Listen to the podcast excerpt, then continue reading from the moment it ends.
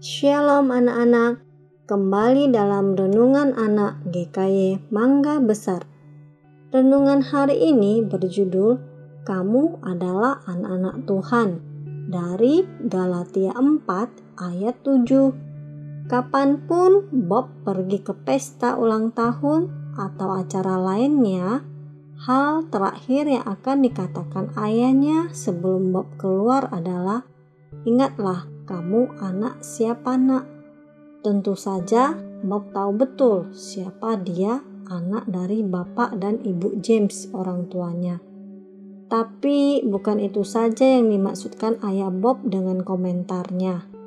Bob seharusnya memikirkan hubungannya dengan orang tuanya dan bagaimana dia harus bertindak karena hubungan itu.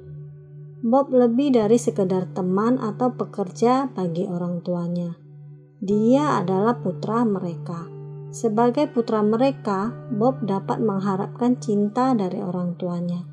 Dan dia tahu bahwa orang tuanya mengharapkan tindakan dan sikap tertentu darinya. Jika kamu mempercayai Kristus sebagai juru selamat kamu, Allah memiliki hubungan seperti bapak anak atau ayah anak dengan kamu.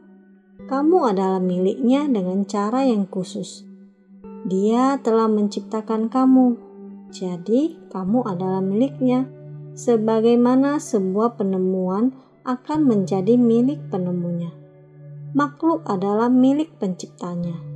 Tetapi jika kamu adalah ciptaan baru di dalam Kristus, kamu juga milik Allah dalam arti menjadi bagian dari rumah tangganya.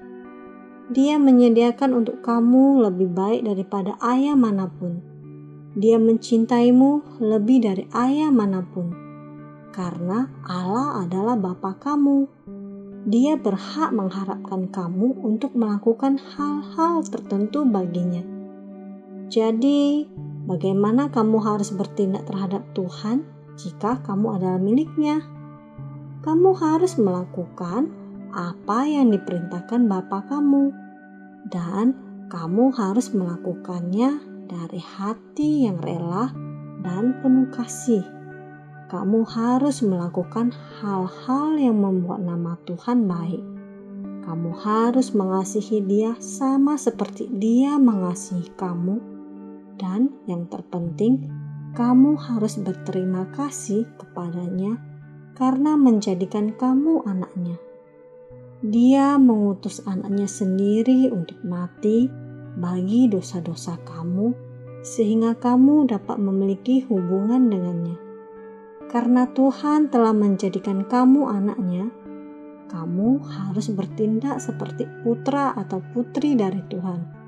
Yuk, kita tunjukkan kepada dunia bahwa setiap kita adalah anak-anak Tuhan. Amin. Tuhan Yesus memberkati.